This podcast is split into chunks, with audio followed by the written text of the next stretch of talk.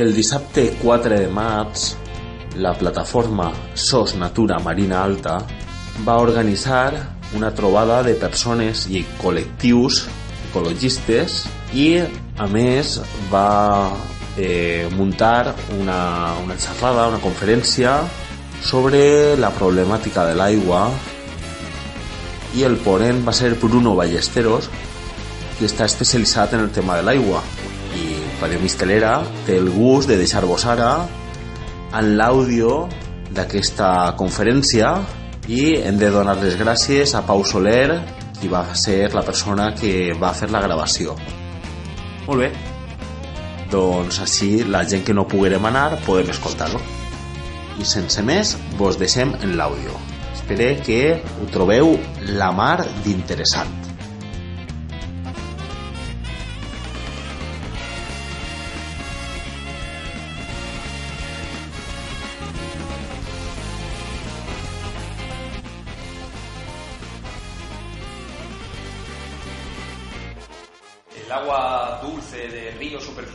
que, tiene un porcentaje muy pequeño y el agua, como decía, eh, subterránea del 30%.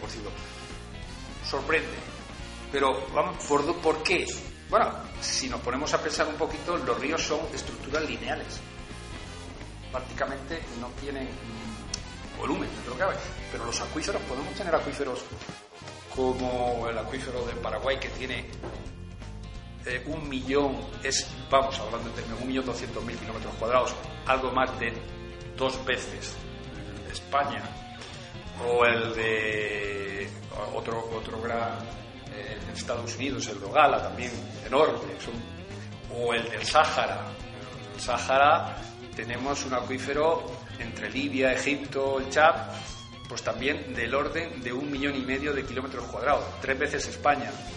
Claro, aunque el, el agua impregna poros, pues tenemos eh, el volumen es ingente porque estamos en tres dimensiones. Bueno, es un poquito para explicar esto que, que- que- que choca, ¿no? Pero, ¿por qué existen las aguas subterráneas? ¿Qué condiciones debemos de tener para que, para que existan? Pues se necesitan básicamente cuatro condiciones. La primera es que existan formaciones geológicas que sean permeables. La segunda, que tengamos un sustrato geológico impermeable. Es curioso, porque si no, el agua se va al fondo. El tercero es que necesitamos que esas formaciones permeables lleguen a la superficie y puedan ser recargadas de agua, del agua de la lluvia, básicamente, ahora lo veremos. Y bueno, y, la cuarta, pues eso, que haya, que haya lluvia. Si está en el desierto, poca recarga vamos a tener. Lo que decía antes del acuífero del desierto, lo que hay ahí son aguas de hace 5.000 años. O sea que no es de ahora. Entonces, ¿qué es un acuífero? Pues un acuífero es una formación geológica capaz de almacenar y transmitir el agua y luego hay una acepción una- que se pone que es que pueda ser aprovechada en cantidades, en cantidades apreciables. Bueno, en cuanto a las formaciones geológicas permeables, son las que condicionan las características físicas de un acuífero, varios tipos de rocas, sedimentarias, ígneas pueden ser, pero hay cuatro tipos de permeabilidad. Es decir, el agua, y eso ya, ya empiezo y quiero decirlo, el agua se habla de bolsas de agua. Bueno, es un concepto que realmente mm, es equívoco. El agua se encuentra, y yo siempre pongo un ejemplo, pues se encuentra entre los poros, entre las fisuras de las rocas. Cuando hemos sido pequeños y hemos hecho, y mayores, algunos también, hacemos un agujero en la playa, ¿no? en la arena, y de pronto llegamos y encontramos agua. Pero no encontramos una bolsa y hay un hueco, no, no sabemos cómo sale. ¿Por qué? Porque está entre, entre los, eh, los granos. Pues eso es lo que sucede, eso es lo que sucede eh, en la Tierra. A veces, por el tipo de roca, como veremos ahora voy a explicar, lo que tenemos son eh, fisuras y se rellenan fisuras. Excepcionalmente es verdad que puede haber bolsas, sobre todo en acuíferos de tipo, pues eso, el mongol, los que hay aquí, en rocas sedimentarias, lo que se llaman las rocas kársticas, que son las que en las cimas, las que crean las cuevas, es decir, una cueva como la del Rul, la cueva de las calaveras, pues, pues eh, si se llena, está bajo el nivel mm, que llamamos nosotros piezométrico, nivel de agua, pues, pues es una bolsa de agua, pero eso es un caso excepcional. Lo normal es la permeabilidad. Entonces, tenemos que las rocas, lo que decía yo, las arenas de la playa tenemos es eh, permeabilidad por porosidad entre los granos, el agua circula entre los granos. Tenemos rocas tipo Bongo, que lo tenemos aquí enfrente, que se rompen. La roca en sí es impermeable, pero se rompe entonces en las fisuras tenemos el agua. Tenemos una combinación de ambas. Y tenemos la última que es calcificación o disolución, que es, el tipo cuevas, eh, zonas eh, que las rocas, sobre todo las rocas carbonatadas, se han disuelto y el agua eh, cada vez lo disuelve más y va formando, va formando cuevas. Ese sería el último. La segunda condición para que se forme un acuífero es que necesitamos algo que nos soporte ese agua porque si no el agua se va para abajo y se va al nivel de, a la cota cero.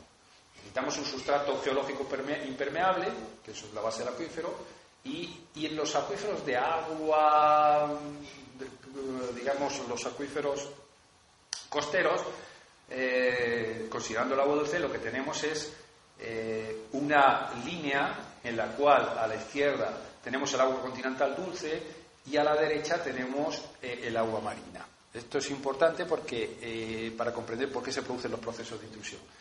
Esto es así porque el agua del mar, aquí en el Mediterráneo, está en 1,03, 1,025 eh, de densidad, mientras que el agua dulce es 1. ¿eh? Esa pequeña diferencia de densidad, pues es lo que nos crea este interfaz. Luego, si, si hacemos aquí pozos y extraemos agua, vamos a modificar las condiciones hidrodinámicas y nos pueden crear procesos de de, intrusión, de, salinización de acuíferos.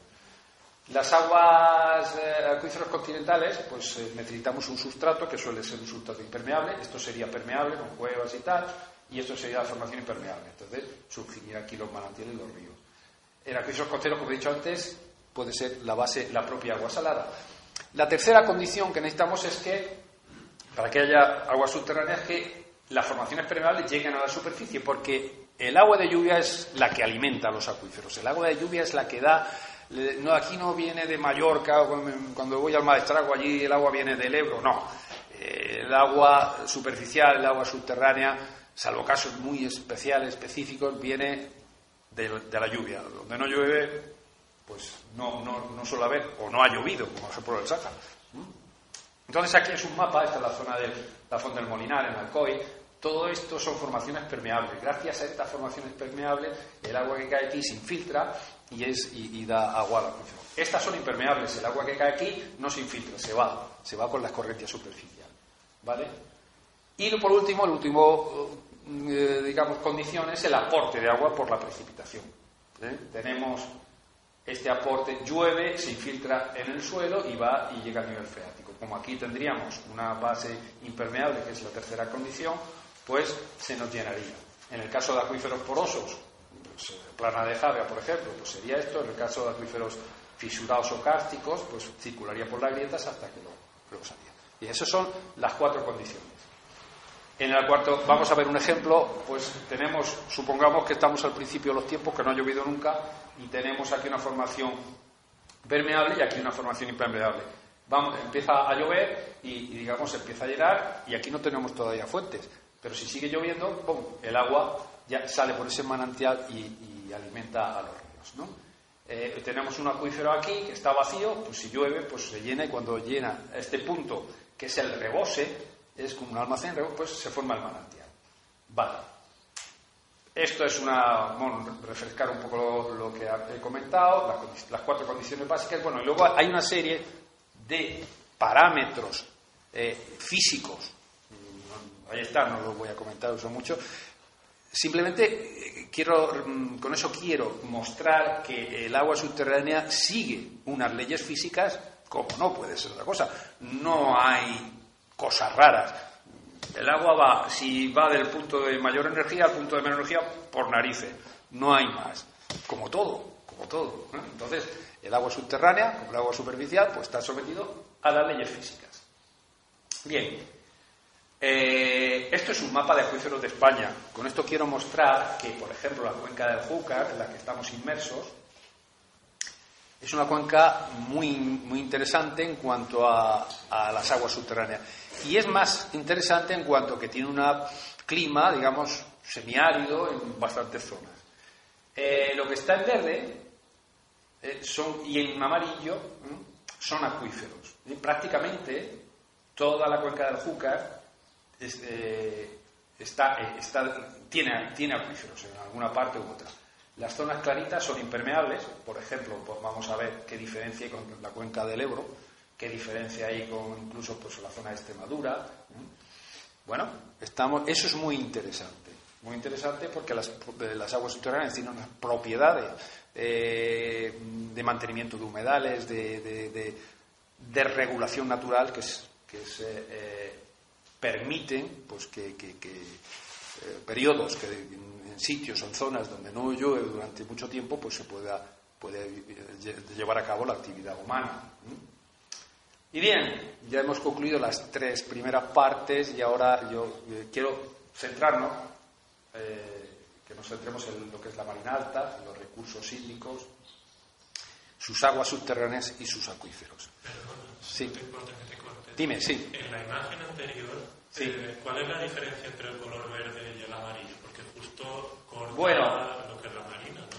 Eh, sí. Eh, lo pone aquí, pero es que yo no estoy muy de acuerdo con. Yo creo que aquí hay un poquito de error, por eso lo he dicho conjuntamente las dos porque eh, los verdes, aunque no se ve, dice que son acuíferos, eh, acuíferos eh, fisurados, carbonatados por, digamos, por permeabilidad, por fisuración y castificación.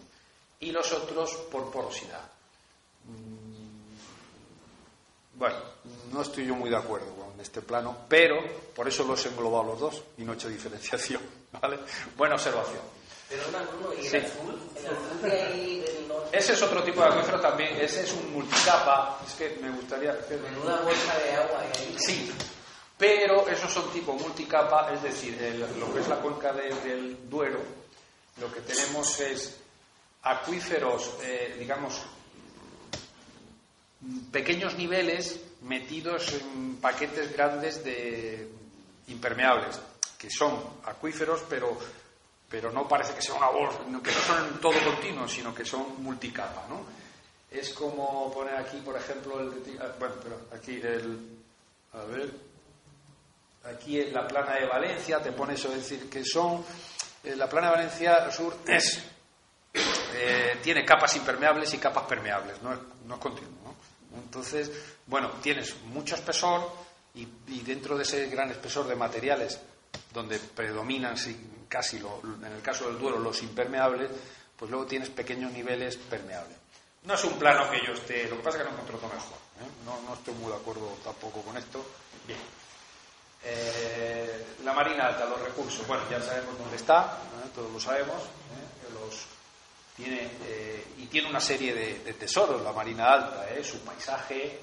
Tenemos la cueva de las calaveras, con todo eh, el interés eh, que tienen, el arqueológico, la cueva del Rul, la Sierra de Bernia, que es preciosa, muy bonita, la Sierra del Peñón, el que lo tenemos aquí, la cueva del Sar del de, de, pues tenemos sus playas, es una auténtica zona privilegiada realmente. Por eso tenemos muchos tesoros, pero eh, y sus paisajes. Esta foto muy bonita, eh, pero tenemos un tesoro sin el cual pues, no se podría vivir, que es ¿de dónde vamos a beber agua? Pues tenemos las aguas subterráneas. Esta foto es de la, de la machada de, de Pues que tienen su, digamos, su manifestación, una de sus mejores manifestaciones es la, la machada de Pego, ¿eh? pues... Eh, y, y, bueno, Vamos a ver qué características tiene este territorio, así, muy generales. Pues es una superficie cercana a los 700, bueno, 759 kilómetros cuadrados, 33 municipios, su población cercana a 140.000 habitantes, pero bueno, en épocas estivales es difícil calcular, podemos irnos a los 600.000. Tiene todo tipo, desde el punto de vista hídrico, tiene demandas urbanas, agrícolas y, por supuesto, medioambientales y tiene una característica en este asunto que es que se abastece totalmente con aguas subterráneas. Con la excepción, digamos, desde el año 2001, creo recordar, de la desaladora de Javier. Aunque bueno, La desaladora de Javier también se basa de aguas subterráneas, en este caso saladas, pero también. Y bueno, aquí simplemente he hecho un apunte. ¿Qué, qué, qué muy, muy, muy por encima, para mí, cuál es la problemática ambiental que tiene este territorio? Pues, lógicamente, la preservación de los recursos y sus valores naturales, que eso es común a muchos sitios. Hay la problemática de la contaminación del medio natural, pero para mí, digamos, específicamente en esta comarca lo que tenemos es un, problema de, de ocupación del territorio. Es tremendo, ¿no? y, por supuesto, por sus características, el aprovechamiento y protección de los recursos. Pues vamos a ver, vamos a ver un poco estos recursos hídricos.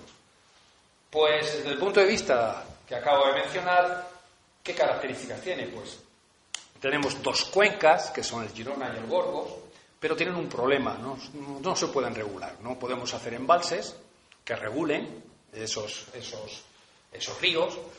Eh, son cortos, no hay sitios donde se pueda hacer una, presa y donde los hay resulta que hay terreno permeable y el agua se vacía. Conocéis el caso de la presa de Isber. La presa de Isber tiene 0,6 hectómetros cúbicos de capacidad y cuando hay las avenidas en 15 días se vacía. Se construyó por iniciativa privada, pero el resultado. Eso tiene una ventaja porque van a recargar el, el, acuífero del mediodía y luego sale por la volata y por la cava. Bueno, eso tiene también su... y, además está calculado, oye, pues que, al final puede recargar dos hectómetros cúbicos al año, entre media, o sea que, parece que no sirve de nada, pero bueno, no sirve para lo que estaba concebida, pero sí sirve para otra cosa. Y entonces, claro, tenemos la, hidrología subterránea. Eh, ¿De qué depende? Como decía al principio, pues depende de de la geología. Aquí hay rocas carbonatadas que pueden constituir un acuífero, acuíferos. pero tenemos un problema. Existe mucha compartimentación. Está todo, no es un acuífero grande, no estamos hablando de un billón de kilómetros cuadrados, ni mucho menos. Estamos hablando de acuíferitos pequeñitos, lo veremos ahora. Y eso tiene un problema. Si no lo organizamos bien, podemos, como lo veremos ahora, ya veréis, podemos crear problemas importantes. Y los recursos se distribuyen de forma desigual.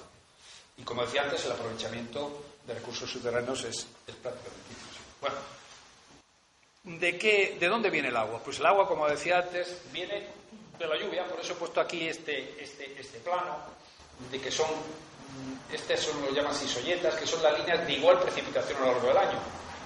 ¿Eh? Este sería temperatura media anual y este, bueno, la evaporación. Eh, la precipitación media del orden de 680 milímetros al año. Quiere eso decir que estamos en la España húmeda. La media anual en este, todo el territorio nacional es de 650. Eh, Luego, al principio, cuando quisieron hacer la desaladora de, de Denia y alguna otra, tuve que evaluar yo hacer una evaluación de impacto y, y claro, decía, pues usted, eh, vamos a gastar, no hay un dinero, el contribuyente va a tener que pagar eso a precio de oro. Estamos en la España húmeda, a ver si hay otra solución. Bien, eh, aquí tenemos, bueno, simplemente por comentar un poco, no sé si debe bien, 750, la zona, es una zona, un pico pluviométrico, la zona del interior de Pego, a veces llegamos a tener mil milímetros, mil litros por metro cuadrado al año. Eh, pero normalmente incluso 250, hay variación, ¿no? Hay una cosa importante que es la evaporación, la evapotranspiración. Estamos en un clima como este, resulta que, si tenemos una superficie libre de agua, pues a lo largo del año se va a evaporar más de la que llueve. Estamos hablando de 850. ¿Por qué? Por el régimen de vientos, por la, por la temperatura. Eso es importante. Bueno, esta es una idea para ver cómo, simplemente para mostraros lo que es eh, la hidrología superficial, eh, la cuenca del río Gorgos, eh, a ver, si la del Girona y las dos pequeñitas cuencas que drenan a, la mancha del Pego. bueno, como comentaba antes, esto no se puede regular, no se puede hacer embalse y, y, tenemos que ir a las aguas subterráneas. Hay muchos estudios, eh, se empezaron a estudiar las subterráneas aquí en esta zona en los años 70 y hay una mm, definición de unidades entre nosotros, LIME y el Servicio Geológico, pues que hacían una, dos, tres, cuatro, básicamente cuatro o cinco unidades hidrogeológicas, pero bueno, eso con el tiempo, están aquí, eh, con el tiempo pues eh, hemos ido estudiando más y hemos ido diferenciando. Aquí están superpuestas las unidades, estos son los ríos, y nosotros ya, eh, en diversos estudios que hemos hecho, ya hemos diferenciado hasta 17 acuíferos, que están en diferentes colores, que atañen la marinada de la Lo iremos viendo, cada, cada colorcito de este es un acuífero que más o menos está desconectado, tiene entidad propia.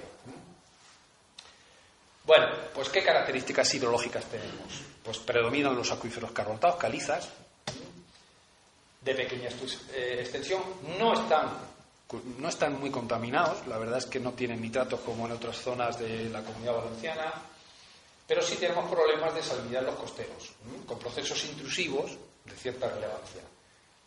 Hay un fenómeno curioso aquí también, y es salinidad natural, que se da en la depresión de Benissa, se da puntualmente en la vuelca Gallina Mustalla, que lo vemos a que es la Tierra Mustalla, Fonsalada, que la, conoceréis, que es, esa salida es natural, y, la zona de Almudaina Segaria, la Sierra Segaria, que también hay eh, salida natural.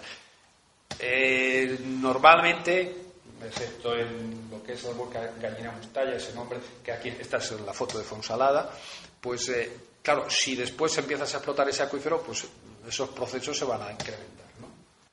Bueno, pues cuando empezamos a estudiar, eh, o, mejor dicho, ¿cómo vamos a estudiar?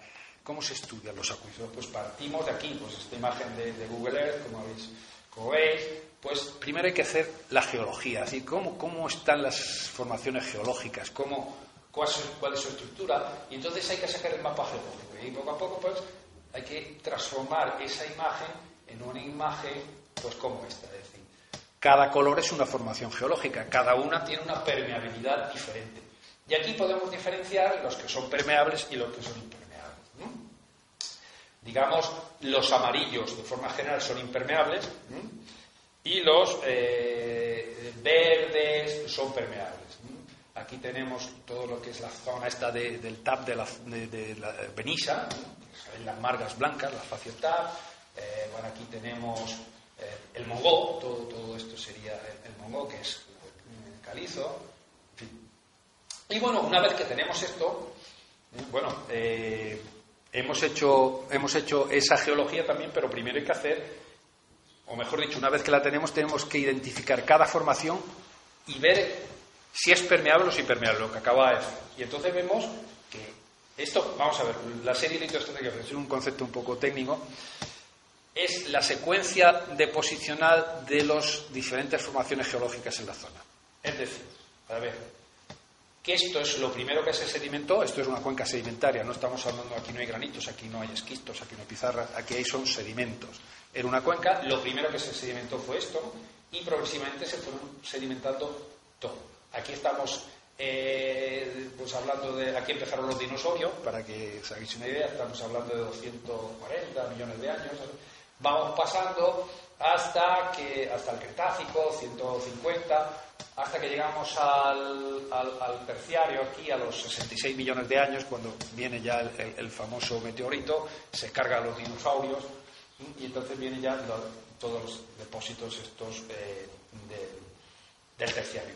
pues aquí identificamos en el Cretácico, el periodo Cretácico es el gran acuífero que tenemos, mejor dicho, la gran formación acuífera, tenemos también la parte inferior del Cretácico, lo que es el terciario. Todas esas zonas azules son los acuíferos y el resto son impermeables prácticamente. Bueno, aquí tenemos algún nivelillo, por ejemplo, que nos sale eh, eh, lo que es ahí en la fase STAR, está ahí por la depresión de Benissa. Y luego los cuaternarios, arriba los cuaternarios son los rellenos de fondo de valle, que hay manantialillos por ahí sueltos, pero que no tienen nada que ver con, los grandes acuíferos.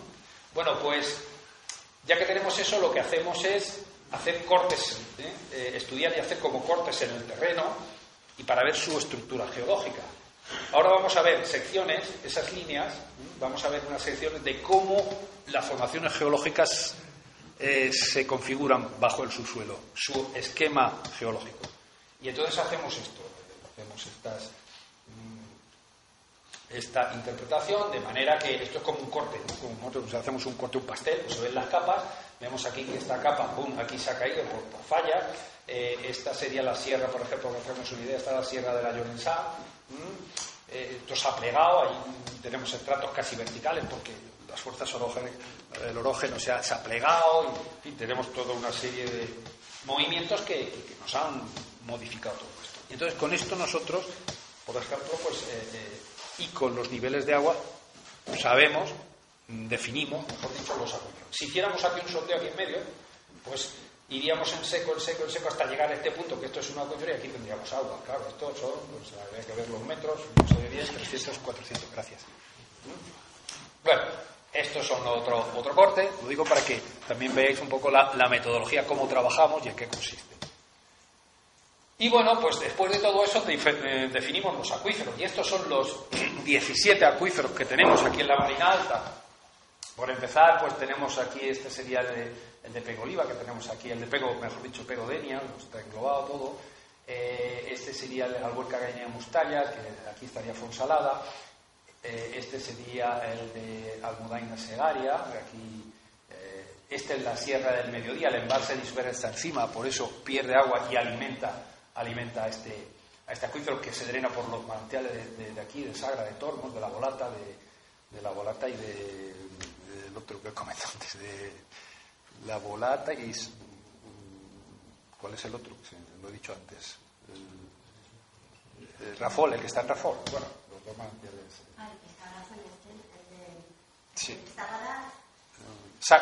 la Volata... Bueno, bueno. Eh, el que, no, el que bueno, antes lo he dicho, bueno, porque no, no, me sale. Bueno, tenemos, tenemos un grado acuífero que es aquí el de la detección de Benissa, eh, en la plana de Javia, el Mongo es otro acuífero, el, lo que llamamos el Cretácico del Girona, el, de, Sola, el de Solana, Sinclinal del Gorgos, Cuaternario, el Carrascal Ferrer, que drena aquí ya hacia la comarca de la Marina Baja, los, las Fond de Valgar, el, Peñón, el Cocón, lo veremos ahora. Y el de, tenemos un acuífero aquí también, ¿eh? que es Pedreguer, el de Jesús Pobre, ahí lo tenemos, ¿eh? muy pequeñito. Bueno, pues también. Lo vamos a ver ahora. El acuífero del Cocol tiene esta estructura geológica, este es el corte. Eh, es pequeñito, va desde Castel de Castela aquí a la zona de, de, de Benichembla, y, en fin, que es por donde drena. Bueno, es un acuífero que, no está explotado. Eh, el acuífero del Peñón, pues aquí en Murla, eh, drena por la fuente de, Murla, que la conoceréis, básicamente. Eh, esta es su estructura, es la Sierra del Peñón. Tenemos después otro acuífero que tiene problemas, que es lo que llamamos el neocomiense de Parcén, los, los pozos estos que están allí en la piscina, y es un problema bueno, es un acuífero que fluctúa mucho y que está teniendo problemas, ha tenido problemas ahora con los importantes. Otro acuífero es el cuaternario Jalón. El cuaternario Jalón, pues por todo el valle de Alcalalí, eh, se extiende, que está por encima, digamos, está, está, son terrenos muy recientes que además está sobre un impermeable. Esto, esto, esto rojo es impermeable. Es un acuíferillo pequeñito. Tenemos el acuífero de Orba. El acuífero de Orba pues es un acuífero que tuvo problemas muy importantes, es de los pocos sitios donde por orden judicial se han clausurado dos pozos. En el año, creo que fue sobre el año 86, eh, Calpe hizo dos sondeos en esta zona y empezó a llevarse agua. Como consecuencia de eso, los niveles del acuífero cayeron, coincidió además con una sequía, una que seguía los años 80, a mitad de los años 80, cayeron del orden de 200 metros. Eso causó una guerra del agua, un problema gordísimo, y tuvo como consecuencia que el, juez, encargado del caso, clausuró los pozos y curiosamente los clausura y se acaba la sequía. Y entonces los niveles hacen ¡blum! y suben para arriba. Y es curioso, porque actualmente esos pozos están clausurados, se abastece solamente de los regantes y del, abastecimiento urbano. Pero han llegado ya, por práctica, a una conclusión y sacan lo que realmente tienen que sacar.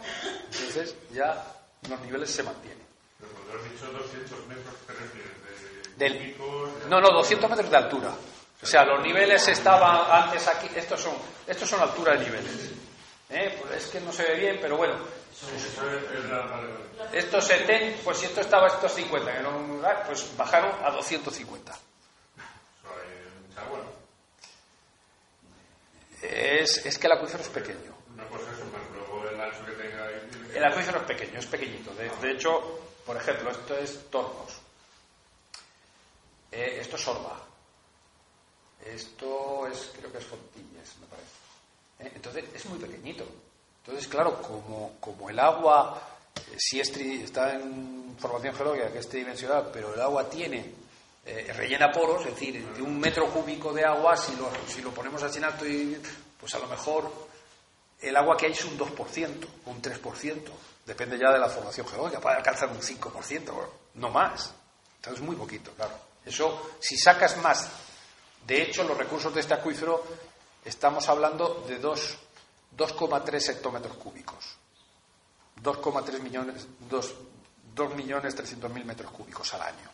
Si los regantes, si, si Calpe ya sacaba 2 millones, el abastecimiento de Orba son, creo recordar, 300 mil metros cúbicos y los regantes sacaban otro, pues, pues, pues, para abajo, no hay más. La lluvia, y esto viene de la lluvia, bueno, de la lluvia una pequeña alimentación del río, que es importante, del río eh, Girona, que pasa por encima y cuando hay avenidas recarga. Estas líneas que vemos aquí son los niveles de agua a cota absoluta. Esto, estas líneas reflejan como si fuera la cota de la superficie topográfica, pero del agua en profundidad. Entonces, el agua, y esto son cómo circula el agua, y el agua circula de esta zona, de esta zona donde se infiltra, hacia la zona donde, donde están los pozos. Hace como cuando quitamos el tapón de una bañera, que se forma como un cono así. Esto es lo mismo en los acuíferos, un poco más, como hay más resistencia al paso del agua porque está la roca, es mucho más evidente. ¿eh? Entonces, eso es lo que se produce. ¿Vale? ¿Cómo? No, no, se cerraron los pozos. No, se cerraron los pozos y Calpe ya se fue al barranco del Infer. Al, al, ¿Eh? ¿A Murla? No, no, es, eh, eso es, eh, es el municipio de Valdelaguar. O sea, el, el,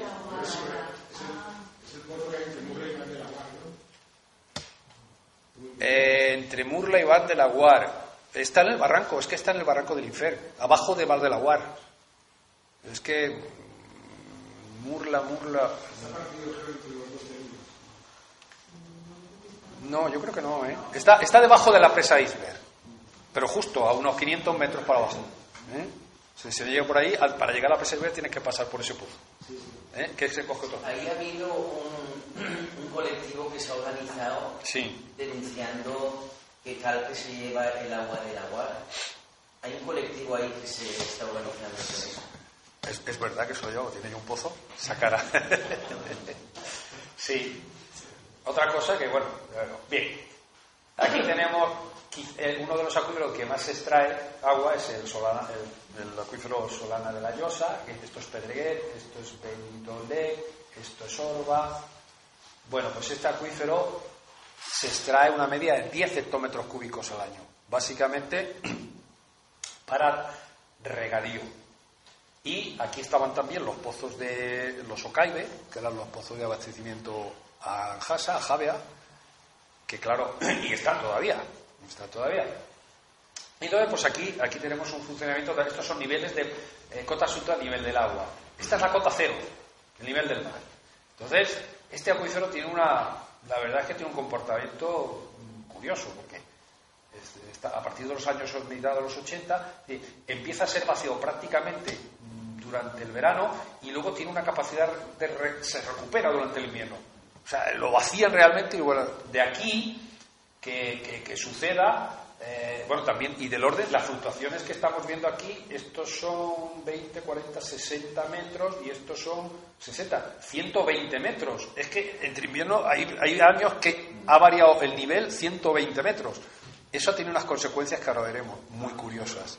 ¿Eh? ¿Eh? Sí, ahora lo veo. ¿Qué son los distintos colores? Ah, bueno, perdonad. Eh, claro, es que eh, son eh, lo que llamamos niveles en diferentes pozos. Lo que llamamos niveles piezométricos. O sea, ese es el nivel del agua medido en diferentes pozos. Cada, ¿no?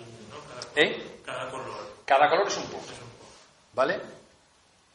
Bueno, esta es la estructura del acuífero también, que no he hecho mención. ¿Veis?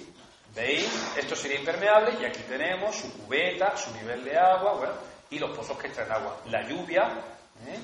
aquí tenemos todo ese comportamiento. Aquí esto es en planta, el agua va de aquí para acá. ¿Eh?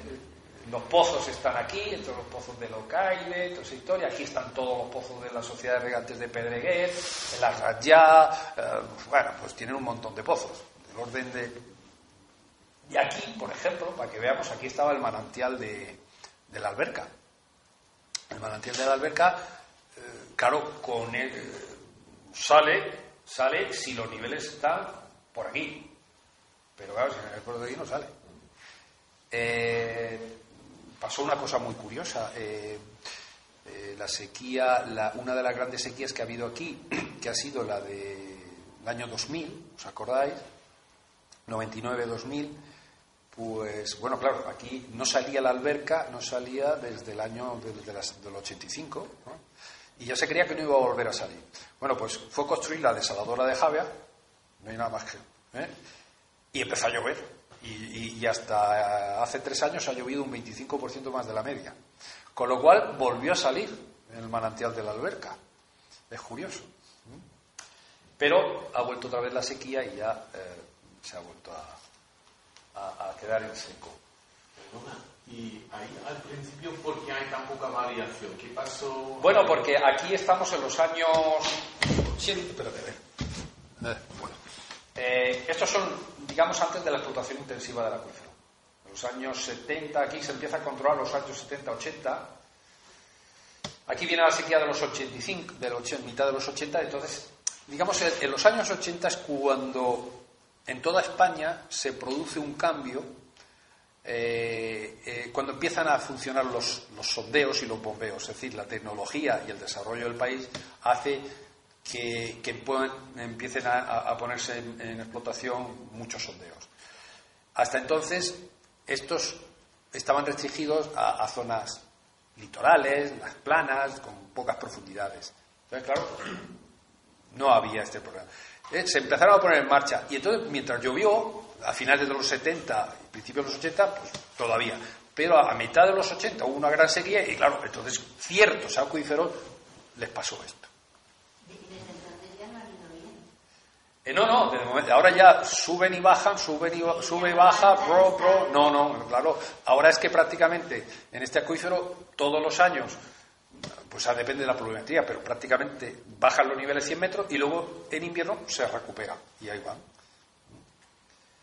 E, este es, bueno, otro acuiferito que tenemos, este está más, más normal, aquí no tiene tantas captaciones, que es el, el, el, del Gorgor. Luego tenemos el acuífero de la presión de Benissa. El acuífero de la presión de Benissa, como veis, está por debajo de la plana de Javia, llega hasta el límite con el Mongó.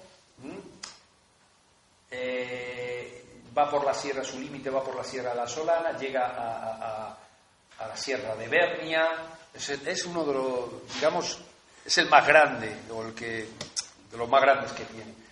Y su estructura es la siguiente, aquí aparece, se alimenta porque el agua de lluvia que cae por aquí y por aquí, y, como veis, si hacemos un corte aquí y le pegamos un tajo como si fuera aquí una tarta, pues vemos que estos horizontes se meten para abajo y luego sube por aquí. Y esto tiene esta estructura y aquí el agua sale al mar. ¿Qué problema tiene? Tiene muchos recursos, es el que más recursos tiene, pero tiene un problema, que sufre una salinización natural. Aquí tenemos, en esta zona, la fechita está, lo conoceréis, la cueva del Morat. Y bueno, aquí tenemos el, el puntal de Toys. Pues en la cueva del Morat sale ni más ni menos que un metro cúbico segundo. Un metro cúbico segundo. Eso es mucha agua. Pero, ¿cuál es el problema? Que está, que es salobre. Tiene 10.000 microsiemens de conductividad. Es decir, eh, está mezclada con agua de mar. La conductividad del agua de mar aquí en el Mediterráneo son 50, 60 mil microsiemen, conductividad eléctrica, es decir, en definitiva, que es un agua mm, más allá, por ejemplo, la de riego, más allá de 2.000 microsiemen de conductividad, no se puede utilizar. El agua que se bebe en Valencia, para que os hagáis una idea, tiene 1.000. Sabe un poquito, a mí no me gusta, pero, bueno, se puede beber. Pues esta tiene de 1.000, no se puede utilizar ni para agua. Eh, bueno, ¿y por qué? Pues es un tema que estamos ahí en discusión, uno piensa una cosa y otra. Bueno, curiosamente aquí en el Morro de Tois lo que tenemos es un sumidero, es un gran enigma. Entra agua de mar al acuífero, de forma natural. Sí, así es, pero 500 litros segundo. Claro, algunos dicen que entra por aquí y sale por aquí.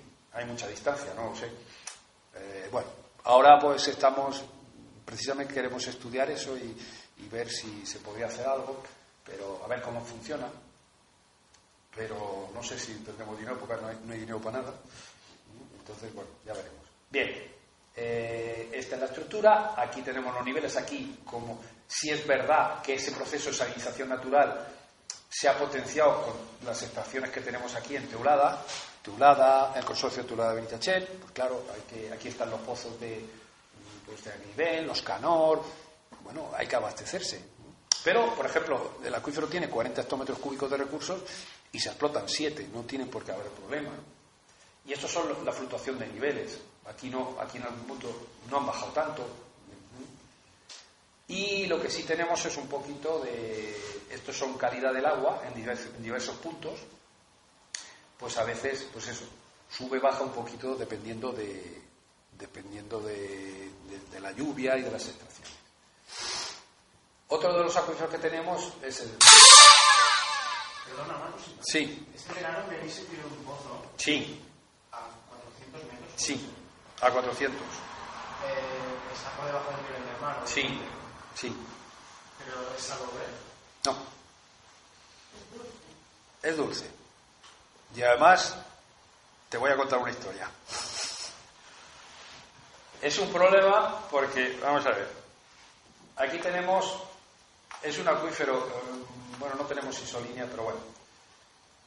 Eh, eh, claro, toda esta zona está, lo que es los niveles están, las captaciones han bajado los niveles casi a nivel del mar y eso nos ha provocado, ya había una salinización natural, nos ha provocado una salinización un poco pues adicional. De hecho, Hidracua, que es la empresa que gestiona el consorcio Teolada Benitachel, está haciendo unos pozos para duplicar, pero para sacar más agua, porque, porque ha habido un problema, hace dos veranos hubo un problema con Javia que le cortó al consorcio el agua, bueno, bueno, de golpe y porrazo y hubo problemas. Entonces, ha pensado en duplicar los pozos, pero para sacar más agua. Pero eso que va a ocasionar que le va a subir la salida. Entonces, como aquí tienen plantas de salvadoradoras, van a tener que cambiar las membranas por otras, en vez de estaban trabajando con una ah, estaban trabajando con 4.000 microsiemens de conductividad y entonces se espera que pasen a 8.000. Bueno, ha habido una sequía tremenda, como, como sabéis, y entonces efectivamente eh, Benissa mm, tiene los pozos allí en los San Vicente antiguos, allí en Benichembla, eh, tiene conducciones de 15 kilómetros, otro pozo lo viene en Benidolech, eh, y, y, otro lo tiene Canor. El de Canor se le salinizó por la sequía. Estaban, y el otro ya casi no se acaba. Bueno, mm, lo digo porque intervino yo en ese tema. contar. Eh, vinieron a verme a la oficina de Valencia, los alcaldes y tal, y, bueno, yo les digo, bueno, pues eh, como conozco la zona, de aquí se puede hacer. Hay un sitio donde el agua todavía, en esta acuífero entra el agua, entra el agua por algún sitio hasta que se saliniza por. Hay que cogerla allí antes de que llegue a salinizarse. Fuimos al ciclo hídrico de la Diputación a ver si daban ayuda y tal, y ahí dijeron que no, que estaba ya no se podía sacar nada, que todo era salado. Y yo dije, pues, pues no estoy de acuerdo. Al final, con mucho miedo, el ayuntamiento de Benissa pues se arriesgó a hacer un sondeo donde yo les dije. Y se hizo el sondeo, el de Mino Añún, que es el que está hablando, 400 metros a kilómetro y medio de Benissa, al lado de las conducciones, no a 15 kilómetros ni en nada. Y el agua dio, si en Valencia el agua tiene 1000 microsiemen, allí dio 500. Agua de embotellar. Claro, la Diputación, como estaba, no, por eso se va a salinizar este verano y tal. Y yo le dije, no, y se lo dije al ayuntamiento de Ciudad la Tabarra, decir que no se va a salinizar. Eso sí, llevar un control de la salinidad, que lo llevaron, y no pasó de 600. Me sorprendió hasta a mí, que digo, subirá a 700 por lo menos. El nivel, el nivel está a 30 metros de cota absoluta. El pozo sí llega, el pozo sí llega a, profundidad, digamos. El pozo, el pozo es esto. El pozo está en esta posición geológica. Aquí hemos pasado margas, pero hemos cogido, hemos cogido esta formación. Bueno, exactamente estaría aquí. Hemos cogido esta formación.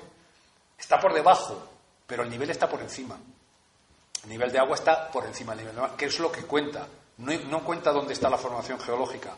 Lo que cuenta es la, altura, porque es la, carga hidrostática que hace que el agua de y, y ha sido la salvación. Ese pozo, si no venís, hubiera tenido que tener restricciones de agua. Eh, y además es una cosa interesante, coge el agua antes de que se contamine y que se vaya al mar. Ese agua es ideal para poder aprovecharla, porque se va al mar y además se contamina, o sea que no tiene, medioambientalmente, pues no tiene tampoco mucha relevancia. Y es un sistema bueno. Bien, pues esa es la pequeña historia. Eh, pasamos al acuífero este de Jesús Pobre. Jesús Pobre es este acuíferito, pequeñito. Aquí lo pasa que lo dibujé conjuntamente con el otro, para hacer dos figuras. Eh, y tiene, eh, este sería el mongo, Jesús Pobre es un bloque, un bloque que, cae aquí, esto es impermeable, es un bloque pequeño que veremos que eso tiene también sus repercusiones. ¿Cuáles son? Pues bueno, eh, estos son los dos acuíferos, estos son los niveles en diferentes pozos. El del Girona, que está, esto es Beni, eso es Pedreguer, esto es Benidolet, este es el río Girona, los pozos del Esplán, y esto si los conocéis. Bueno, pues más o menos esta es la cota cero, el nivel del mar, pues sufren, tienen problemas, pero se mantiene. Pero mirad lo que sucede aquí en este, este bloquecito es pequeño. Como es muy pequeño, en cuanto sacamos agua, pues los pozos, este es la cota cero. Y este, aquí había unos pozos también de Anjasa que se dejaron de utilizar, ahora no sé si los utilizan, pero se saca agua. Y aquí los niveles están permanentemente por debajo del nivel del mar. Esos 20, 40, 60, 80, estamos hablando de 80, 100 metros por debajo del nivel del mar, permanentemente. Permanentemente. Esta es la cota cero. ¿Por qué? Porque es pequeñito. Claro, no siguen sacando, esto han ido sacando hasta que ya no pueden sacar más, porque se les seca. Entonces, se han autorregulado, pero siempre por debajo del nivel del mar. ¿Por qué no se saliniza en este caso?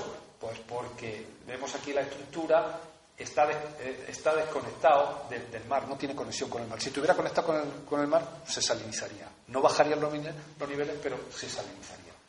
Luego tenemos el acuífero del Mongó, que este sí está conectado con el mar y ha habido problemas en la zona esta de la, de la Sara. Aquí en la Sara, mm, Denia, que están los pozos de Denia, pues aquí en la Sara abandonaron los pozos hasta que Denia pensó, oye, pues si ponemos una desalobradora, pues podemos utilizarlo. Y eso hicieron. Claro, ¿qué pasa? Pues que si tú ya tienes un acuífero que está salizado, sigues sacando más agua, tú la vas a desalar, pero el acuífero se, vas a potenciar la salinización, se te va a salinizar más. Estos son, para que veáis un poquito las evoluciones piezométricas de los niveles y, de la salinidad ese acuífero.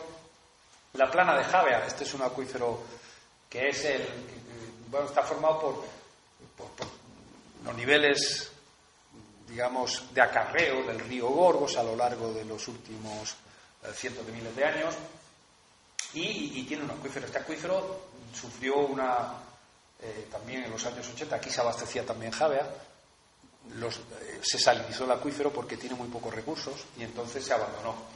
Y bueno, y entonces aquí lo veremos más adelante, bueno, eh, pues eso lo voy a pasar un poco, pues lo explicaré más tarde. Tuve una evolución muy particular. El acuífero de la Sierra del Mediodía, que es donde está el río, este es el río eh, Girona, aquí está la presa Iber, por eso, por eso se vacía, porque esto es permeable, se vacía enseguida, y aquí eh, los manantiales de, la cava, que ya salió, no me salió el nombre, de la cava y la volata, que es por donde drena. Estos son, digamos, eh, el agua circula de oeste pum, pum, pum, pum, a este y sale por aquí. Esto, ¿Eh? La, no, la cueva del Ruhr está en Valdevo. No, no llega. Este acuífero se queda, se parte el del Infer, de, de allí de Valdeborro. Eh, bueno, aquí no tenemos muchos problemas. Aquí, este es lo que es el acuífero Almudena del Faro Mediodía. Aquí, por aquí estaría la. Esto es Valdevo. Aquí sí tendríamos la. Eh, la cueva del estará por aquí, ¿no? ¿No es eso? De recordar, por subir la carretera. Y esta es la Sierra de Segaria con la marchal y todo esto. Bueno, esta es la estructura del acuífero, cómo funciona. El flujo es también de aquí hacia acá. Este es uno, de los dos grandes acuíferos que, que alimentan la marchal de Pego. ¿vale? Las medidas de niveles, en este caso, no tiene mayor problema. Y este es el otro gran acuífero, el acuífero septentrional que alimenta la marjal de Pego, que es el, el, le llamamos Alborca Gallinea Mustalla, que va desde el embalse de Beniarres hasta, hasta la Sierra Mustalla, este sería Fonsalada, ¿vale? Eh, interactúa con el río Serpis. El río Serpis lo atraviesa y le cede agua. Eh, también por el Barran del Infer, en este caso Barran del Infer de Lorcha, y, lo alimenta. Y, bueno, mejor dicho, cede agua, no, cede agua el acuífero al, no he hecho bien, cede agua el acuífero al río, lo drena, pero bueno, tiene, se drena por aquí y se drena por aquí. Eh, bueno, también los niveles, no tiene mayor relevancia. Luego tenemos el acuífero de la plana de, de, la plana de Pego Denia, que esta es la marjal de Pego, y esta es la de Denia, también. Son acuíferos, estos son más superficiales. Y por último tenemos un acuífero que sí, que está dentro, parte está dentro de la Marina Alta, pero, pero se va hacia la Marina Baja, que es el de Carrascal Ferrer. Esto es Parcén. Y eh, esta es la Sierra Carrascal, la Sierra Ferrer viene aquí. Esto es, su zona de, alimentación, su, superficie, y sale por la fonda del Algar. Es su, su estructura. Bien. Pues al final todos esos acuíferos, ¿qué tienen? Bueno, pues, ¿qué podemos decir de los recursos hídricos de, la Marina Alta? Pues que los superficiales, como he dicho, no tienen capacidad de regulación. La presa de Iber es un intento fallido. Y los subterráneos, que tienen 16 más 1, más 1 es Carracal Ferrer, digamos, porque pida, en fin, como queda ahí casi que se va, drena hacia afuera, pues 14 son carbonatados y 3 detríticos. ¿Qué quiere decir eso? 14 son calizas, roca, y, tres detríticos que son tipo plana de Java, que son de, granos, granulares. La plana de, sí, todo lo que son los, los acarreos de los ríos, son arenas y conglomerados y todo eso. Y total, el recurso, pues los hemos evaluado en 179,6. ¿Qué? ¿De dónde viene? De infiltración de la lluvia, 140. Del retorno de riego, el riego, alguien lo comentaba, es decir, cuando riegas, pues hay un retorno que, que, se infiltra, que vuelve al acuífero de infiltración de cauces, 14, porque eh, estamos hablando del Girona, del Gorgos, que, pasa el agua y se infiltra, y de unidades externas, es decir, de, otro, de otras unidades exteriores, pues otros 14. Eh, no, pasa esto, ¿qué pasa aquí? Se ha trancado. Bueno, pues esto sería un poco lo mismo, pero en, fin, en que sí, casi todos infiltración de agua. Bueno, aquí ahí tenemos los recursos, pero ¿qué demanda? Hay una población, tenemos que beber agua y tenemos que ducharnos. No hay otra historia. Aquí hay una demanda superior, calculamos una demanda superior a la teórica, según las dotaciones del plan biológico del Júcar, serían 21,2. Hicimos un estudio, el volumen facturado son 17, el volumen facturado. Pero claro, aquí nosotros calculamos que está en torno a 23. ¿Por qué? Porque lo que se factura sí, es lo que llega a casa, pero es que antes tenemos pérdidas. Las pérdidas en las redes en algunos sitios son tremendas. Tenemos pérdidas en la propia red del casco urbano, pero tenemos, las conducciones son muy largas. Entonces eso también. Entonces es una demanda alta. ¿Por qué? Porque hay una población residente importante, que creemos que es mayor. Hay mayores dotaciones, hay muchas urbanizaciones, hay mucho jardín, hay que, eso hay que y la, gran longitud de la red. Y en cuanto a la agrícola, pues se evalúan en 73. Al final son 96, es decir, que bueno, si comparamos con las anteriores, eh, pues, pues, tenemos agua, 179 frente a 96. Hay que dejarlos, hay que dejarlos también los recursos ambientales, no podemos consumirlo todo. Bueno, y esto, al final, hicimos un cuadro con todos los acuíferos, en este caso los 16, con el volumen aprovechado, los recursos, déficit, superávit. ¿Qué pasa? Bueno, que tenemos esos acuíferos, pero tenemos esos recursos, el global, tenemos la demanda global, pero vamos a ver cómo se ha gestionado, qué ha pasado, qué hemos hecho.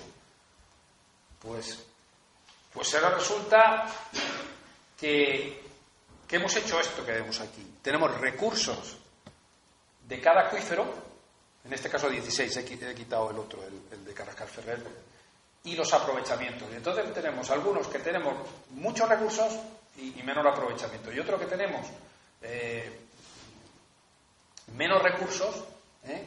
y, están ahí más los aprovechamientos.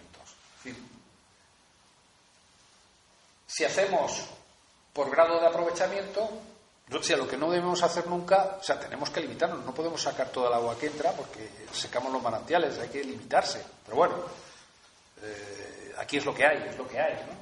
Eh, grado de aprovechamiento de los acuíferos. Aquí están los diferentes acuíferos. Esto está hecho en porcentaje entre los recursos del acuífero y lo que se explota.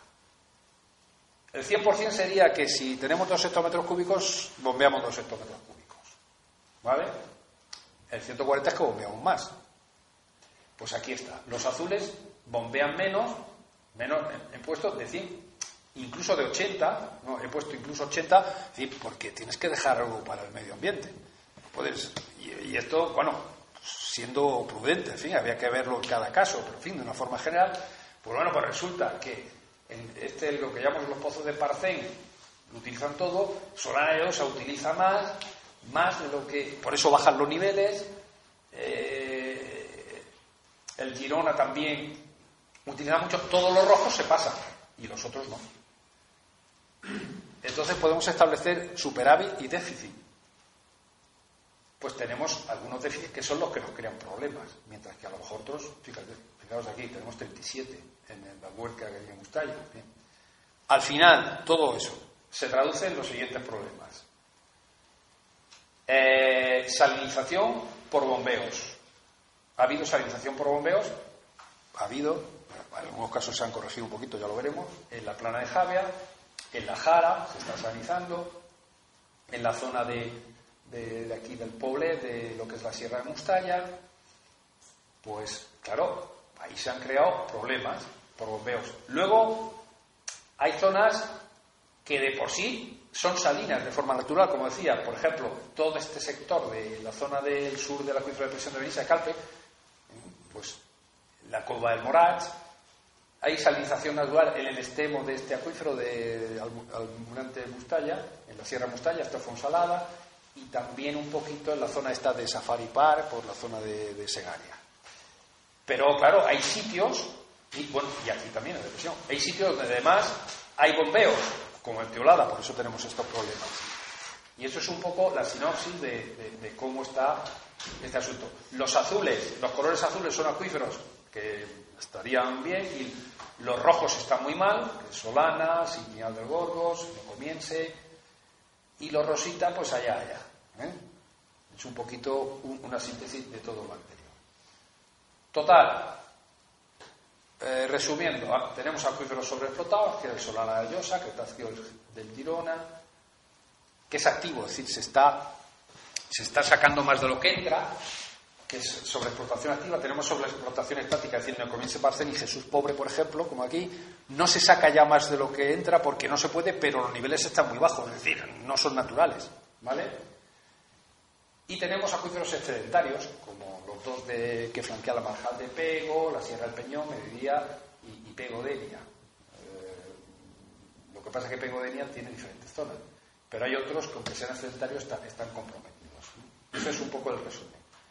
Tenemos problemas de salinización en la depresión de Benissa, natural artificial, Denia, Mongó, Plana de Javea, esa es ya artificial, y Almudén Alfaro Segaria, natural artificial, y en fin, los dos de, como he repetido antes, eh, eh, que flanquean la marjal de pego. Son excedentarios, pero tenemos exceso de sal.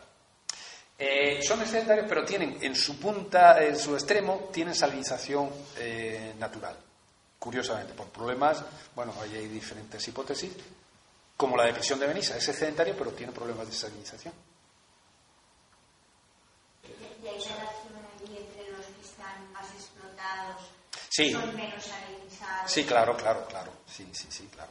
Lo que pasa es que a veces aquí tenemos algunos que son, están eh, salinizados ya de forma natural en, su zona más, más cercana al mar, por procesos físicos, físico-químicos. Eh, a ver, pues, son sea, hay agua, pero tiene exceso de sal, por tanto, no se puede usar. Mm, hay que, se pueden usar sabiendo cómo usarlo. Exacto, no puedes entrar ahí. De hecho, la guerra del agua del 86, famosa, cuando los pozos de, de, Pego, pues eso es una barbaridad, porque lo hacían en un sitio donde no era adecuado. No era adecuado. Hay que tener cuidado. ¿eh? Entonces, bueno. Pero ahora, Bruno, en estos sitios donde era bestial la línea roja, ¿no? Sí. Y ahí eh, no, no ha saltado la voz de alarma o qué conflictos hay ahí que, que es, eh, entre agricultores, eh, lo urbano, ¿se ha habido algún conflictos o, qué está pasando ahí? No ha habido una voz de alarma. No, no ha habido conflictos porque todos son culpables. Entonces, claro. ¿Ha habido una voz de alarma o algo? O dicen, no, ya, ya para eso. Sí. En el fondo no hay una conexión con, con el acuífero de la albufera. No, no, no, no. El acuífero de la albufera no. El... No, es, están desconectados. De hecho, estos no tienen que ver, por ejemplo, con que está por encima, eh, lo que sé, el acuífero Bari, el acuífero de la Sierra de las Agujas. No, no, no. Entre, los acuíferos de la albufera sí hay una conexión. Algunos sí, otros no. Algunos sí y otros no tienen conexión. Algunos sí tienen una pequeña conexión, no, no entrar al detalle porque no hay tiempo. Sí, pero algunos no tienen, no tiene conexión. Por ejemplo, Jesús Pobre no tiene conexión, tiene un poquito de conexión con, con que le da un poquito de agua el, que está por debajo del Girona, pero está prácticamente desconectado. Y la depresión de Benissa no tiene conexión con ningún otro. Hay barreras, esa estructura que he montado entre los cortes, es decir, si hay un impermeable que sale hace una es, es una barrera total. Exacto, por fallas. Eso para entender lo que sería, si llueve justo donde pasa una línea, la que llueve a un lado se filtrará en aquella dirección. Sí, se organizan según ya la distribución de las formaciones geológicas que estén en profundidad. Pero nada, comentas de la relación entre, entre zonas. Yo sí que había oído que la zona de la Marina Alta tiene influencia de eh, ¿De qué? ¿De qué? de la zona de Castells hacia arriba de Famorca y tal.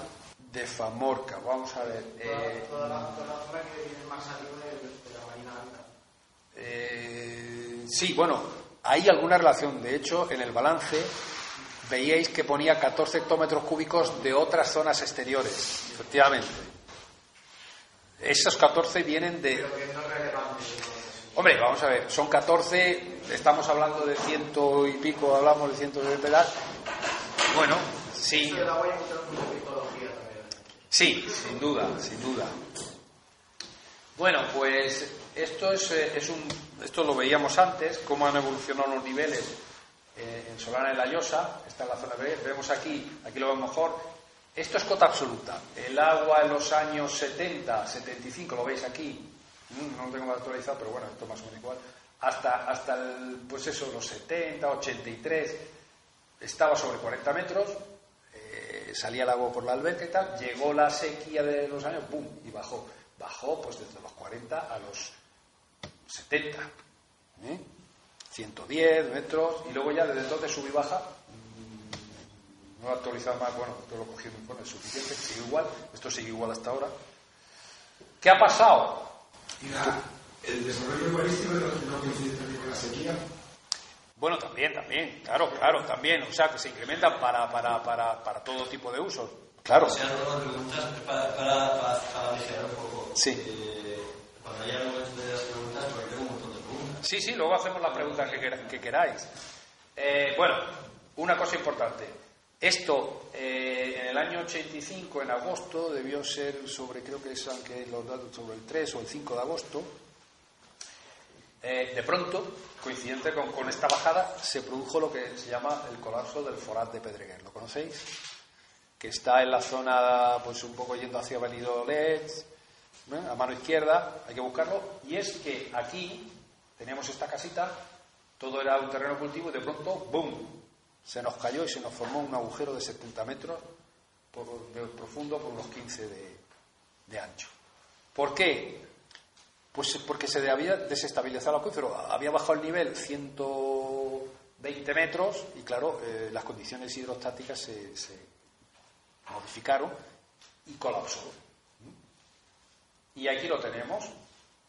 Estas son dos fotos para que veáis un poco la fluctuación del nivel. Esto que vemos aquí abajo no es que se acumule agua, este es el agua del acuífero. Es lo que nosotros, el nivel freático. Con nosotros tenemos el nivel pizométrico.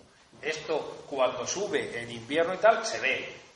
Y en verano, pues no se ve, porque se mete, claro, esto tiene 70 metros, como baja ahí a ciento y pico, pues, desaparece. Entonces, vemos el nivel del acuífero. Curiosamente, no es una, no es una zona que es una cantera de arcillas que, es un charco, no, no. Esto no es ningún charco, esto es el acuífero. Eh, hace poco, esto es un proceso que sigue pasando. Hace poco, hace un par de años, me llamaron de la Diputación de Alicante porque en otra zona está, está produciendo, está, hay procesos incipientes de lo mismo, de colapsos. Oye, ¿cómo podemos estudiar? Yo les paso un presupuesto. ah, es que no hay dinero.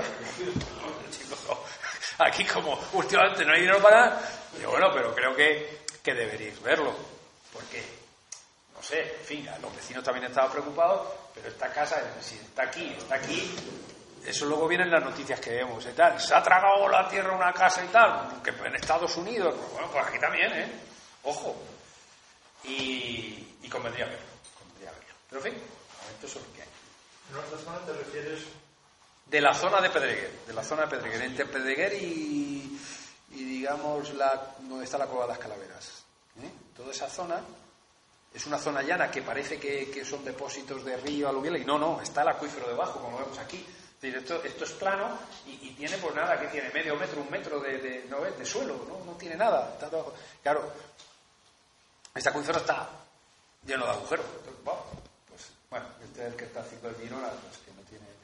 El neocomiense parcial lo vemos antes, esto es lo que, en fin, un poco más grande, vemos que bajan los niveles de 280 a 80, casi 200 metros también, ahí sub y baja, sub baja, ¿eh? está un acuífero con problemas, Jesús Pobre es lo que veíamos antes, ¿eh? el nivel cero, y estos, estos son los niveles de aquí, del Viserot, del Pozo Viserot y de algunos que hay por aquí, pues están, bueno, se mantienen, pero por 80 metros bajo el nivel del mar. Como está desconectado, tenemos barreras impermeables, pues no, no, no, no entra agua salada.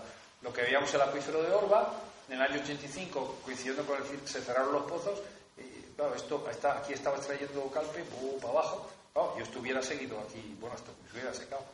Los pararon y entonces ya en el año 86 o 87 empezó a llover, en el 87, pum, y subió. Y ahora están ahí. El Mongó, pues este, el Mongó, como está conectado con el mar, los acuíferos que están conectados con el mar no sufren bajadas de niveles, lo que sufren es salinización, exacto. Entonces, pues aquí por eso he puesto el de salinización. En los años 80, pues se salinizó, se abandonaron pozos y luego, y ahora pues está ahí. No tengo más datos, bueno, tengo más datos, pero no, no, he actualizado. El Mongó no siguen sacando, pero sí en, la plana, en la plana, en los pozos de la sal, sí se está incrementando la salinidad por aquello que decía de la desaladoradora. Luego tenemos el caso de la plana de Javea, que es, Tampoco, aquí no bajan los niveles. Aquí lo que se hace en los niveles es que se, se contaminan por, agua marina. Entonces, pues tenemos. estos son planos de igual contenido en cloruros de las aguas subterráneas. ¿Vale? Eh, y tenemos en rojo, bueno, aquí tenemos la escala, estos son 500, 1000, 1500, 2000. En cloruros, más allá de 1000, ya la cosa se pone mal para, para cualquier uso. Eh, entonces vemos que en el año 78, aquí, aquí sí había extracciones antes, porque como son pozos pequeños, aquí sí las extracciones de pozos eran más antiguas. El acuífero este tiene muy pocos recursos, tenía 4 hectómetros cúbicos, pero ¿qué pasó? Pues que empezaron a sacar los pozos de Jave antiguos que había, dos, más los regantes, cuatro y, otros tantos, dos y medio, cuatro y medio, pues el acuífero, como está conectado con el mar, si tú le tiras, pues, agua de mar para adentro. Y entonces, estos son los niveles de, de del agua subterránea en el 78. En el 85, que es la peor época aquí, prácticamente todo el acuífero estaba salinizado. ¿Qué pasó? Pues se fueron los pozos de ahí. No servía para arriba, no servía para abastecimiento, se fueron. Y no se olvidaron. se olvidaron del acuífero prácticamente. ¿Y qué pasó? Que bueno, que ya en el 87 empezó a, disminuir. Y, en el 2000, coincidiendo con la época, además, el 2000 fue una época de sequía, pues resulta que, que el acuífero, oye, pues ha recuperado bastante. ¿Por qué? Porque se han, se han olvidado de él.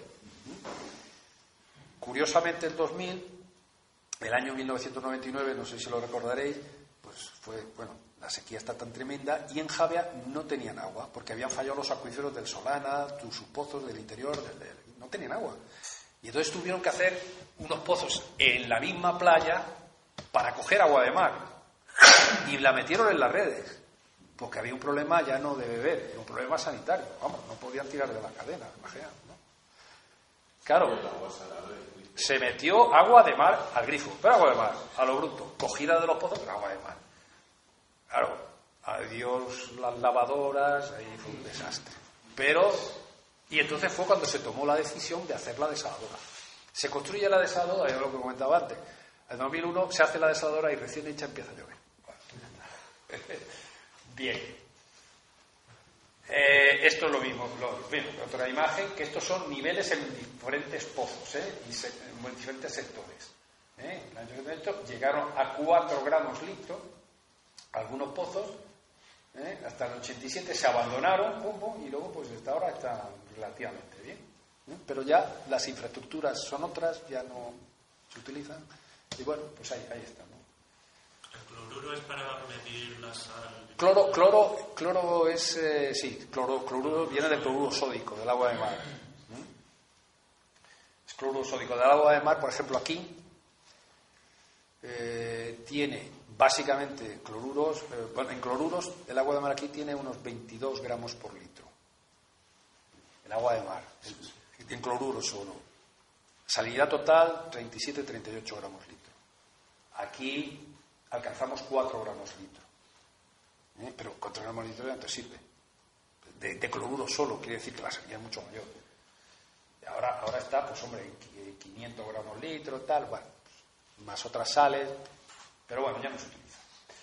Bueno, eso es todo de acuíferos. Pero otro problema, está haciendo una visión rápida de problemas. ¿Qué problemas tenemos, entre otros? Pues tenemos un problema medioambiental eh, que quiero resaltar, que es la zona húmeda de, de Pegoliva. Aquí, esto es un estudio que hicimos, a ver cómo funcionaba, qué requerimientos tenía, qué, y es un sistema complejo, como veis, ¿no? Tiene dos acuíferos laterales, aquí y aquí, que alimentan a los manantiales de Desaigo, Solinar, todos que a su vez alimentan la zona húmeda. Igual por el sur, la balsa Sineu, la conocéis, pues alimenta al Racón y al Moinel. Hay un sistema eh, ciertamente complejo porque está muy modificado. Canales suben, bajan, cierran, es un lío. Eh, y debajo está el acuífero, el acuífero, debajo de la zona húmeda está el acuífero. Bueno, pues eh, nosotros hemos controlado en estaciones de aforos aquí y aquí.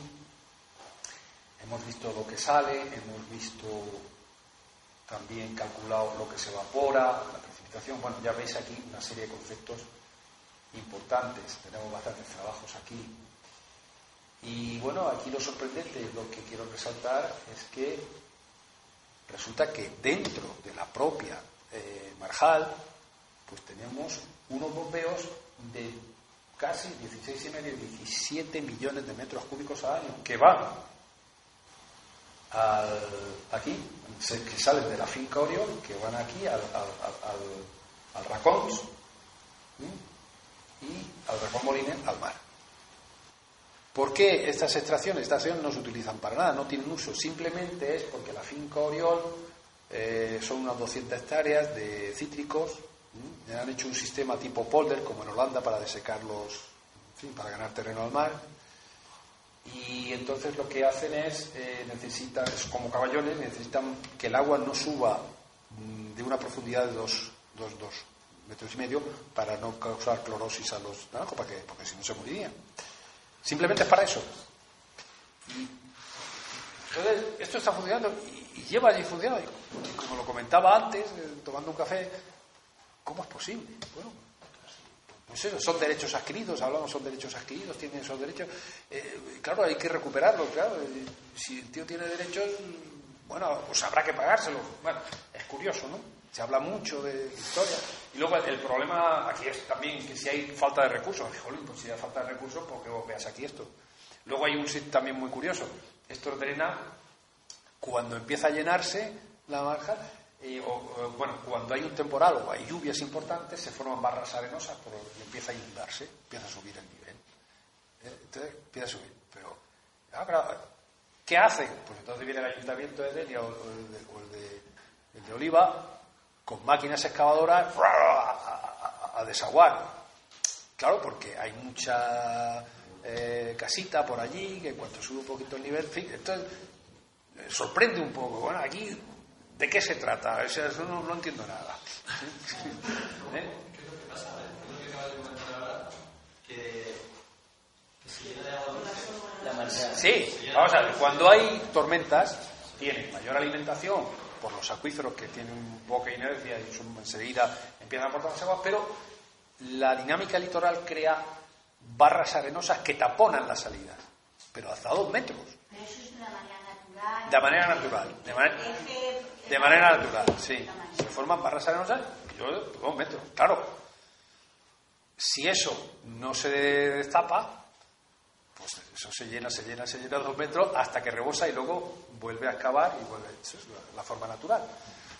Claro, como hay construcciones dentro y tal, no se lo pueden permitir. Es decir, que aquí hay un, Si yo lo que quiero reflejar es lo que hay, y cada uno que saque sus conclusiones, pero que aquí hay unas cosas que, bueno, ah, ¿en qué estamos? ¿Y cómo lo hacemos? Y bueno, es curioso, ¿no? Eso ocurre a nivel de Sí, sí, sí, claro, porque, digamos, la marjal de Pego eh, eh, se drena, sus aguas salen solamente por el Bullén y por el Molinero. ¿no? ¿Eh? Entonces, y tiene muy poca, digamos, muy poca cota. Si nosotros, si se forma una barrera, sobre todo cuando las tormentas son de, de levante, se forma una barrera de dunas, se forma y se tapa. Claro, se tapa, dos metros, yo lo he visto, dos metros. Pues claro, si el agua no puede salir, pum, para arriba, para arriba, para arriba, para arriba. Y esto de la río no se les puede obligar a que tiran al río Repón revertirlo otra vez hacia arriba. El problema, el problema es que es, es salobre el agua. Porque ellos mismos han creado un problema, no lo he puesto aquí porque por no alargarme, de intrusión salina. De intrusión salina, de salinización. Como está conectado con el mar, si se acaba mucho y está a muy poca cota, pues lo que estamos haciendo es, entonces el agua esa es ya está salinizado. Eso es lo que hay delante de Montepego, que hay así mucho naranjo así con caballones. Exacto, esa es. Ese es el sistema polver con caballones. Exacto.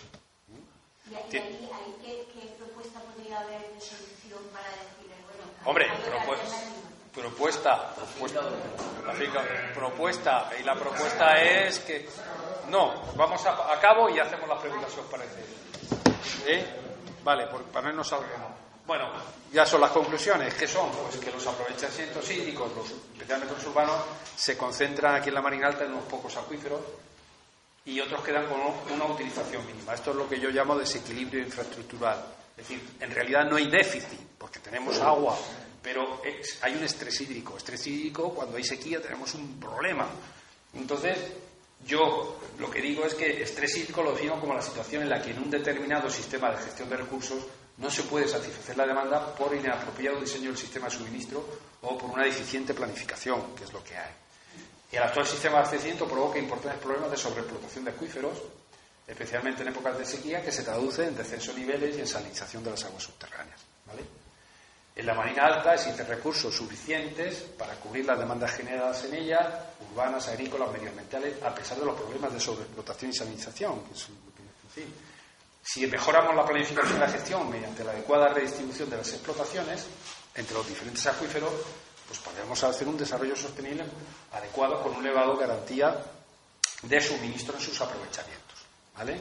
Entonces ya, por último, sí quiero decir que es la Carta del Agua hace referencia que no hay vida sin agua, el agua es un tesoro indispensable, hay que tener en cuenta que el agua no es inagotable, es necesario conservarla y controlarla, no se puede contaminar el agua, es atentar contra la vida humana si la contaminamos. Eh, el agua residual cuando vuelve a los cauces debe Bueno, la calidad de agua debe mantenerse, efectivamente. El agua residual, mm, si la vertemos de nuevo, no debe impedir posteriores usos. Tenemos que mantener la, cubierta vegetal para conservar los, recursos del agua. Los recursos del agua deben ser inventariados para saber cuántos tenemos, eso es nuestro trabajo. Tiene que ser bien planificada, debe ser objeto de una investigación científica adecuada. El agua es también un bien común y su valor debe ser conocido por todos. Aquí estamos en ello. Y la administración de agua debe fundamentarse en cuencas naturales. Yo quiero añadir aquí, esto es mío, y por cuenca natural y por unidades acuíferas. Y en fin, el agua no tiene problema, es un bien común que requiere la cooperación internacional en el caso de países. Y bueno, yo también quiero añadir que una buena base científica es la mejor garantía para el diseño y toma de decisiones en políticas ambientales. Por lo tanto, pues como conclusión final, amemos al agua, cuidemos el agua porque en definitiva todos, como decía al principio, pues todos somos agua. ¿eh? Y con esto acabo.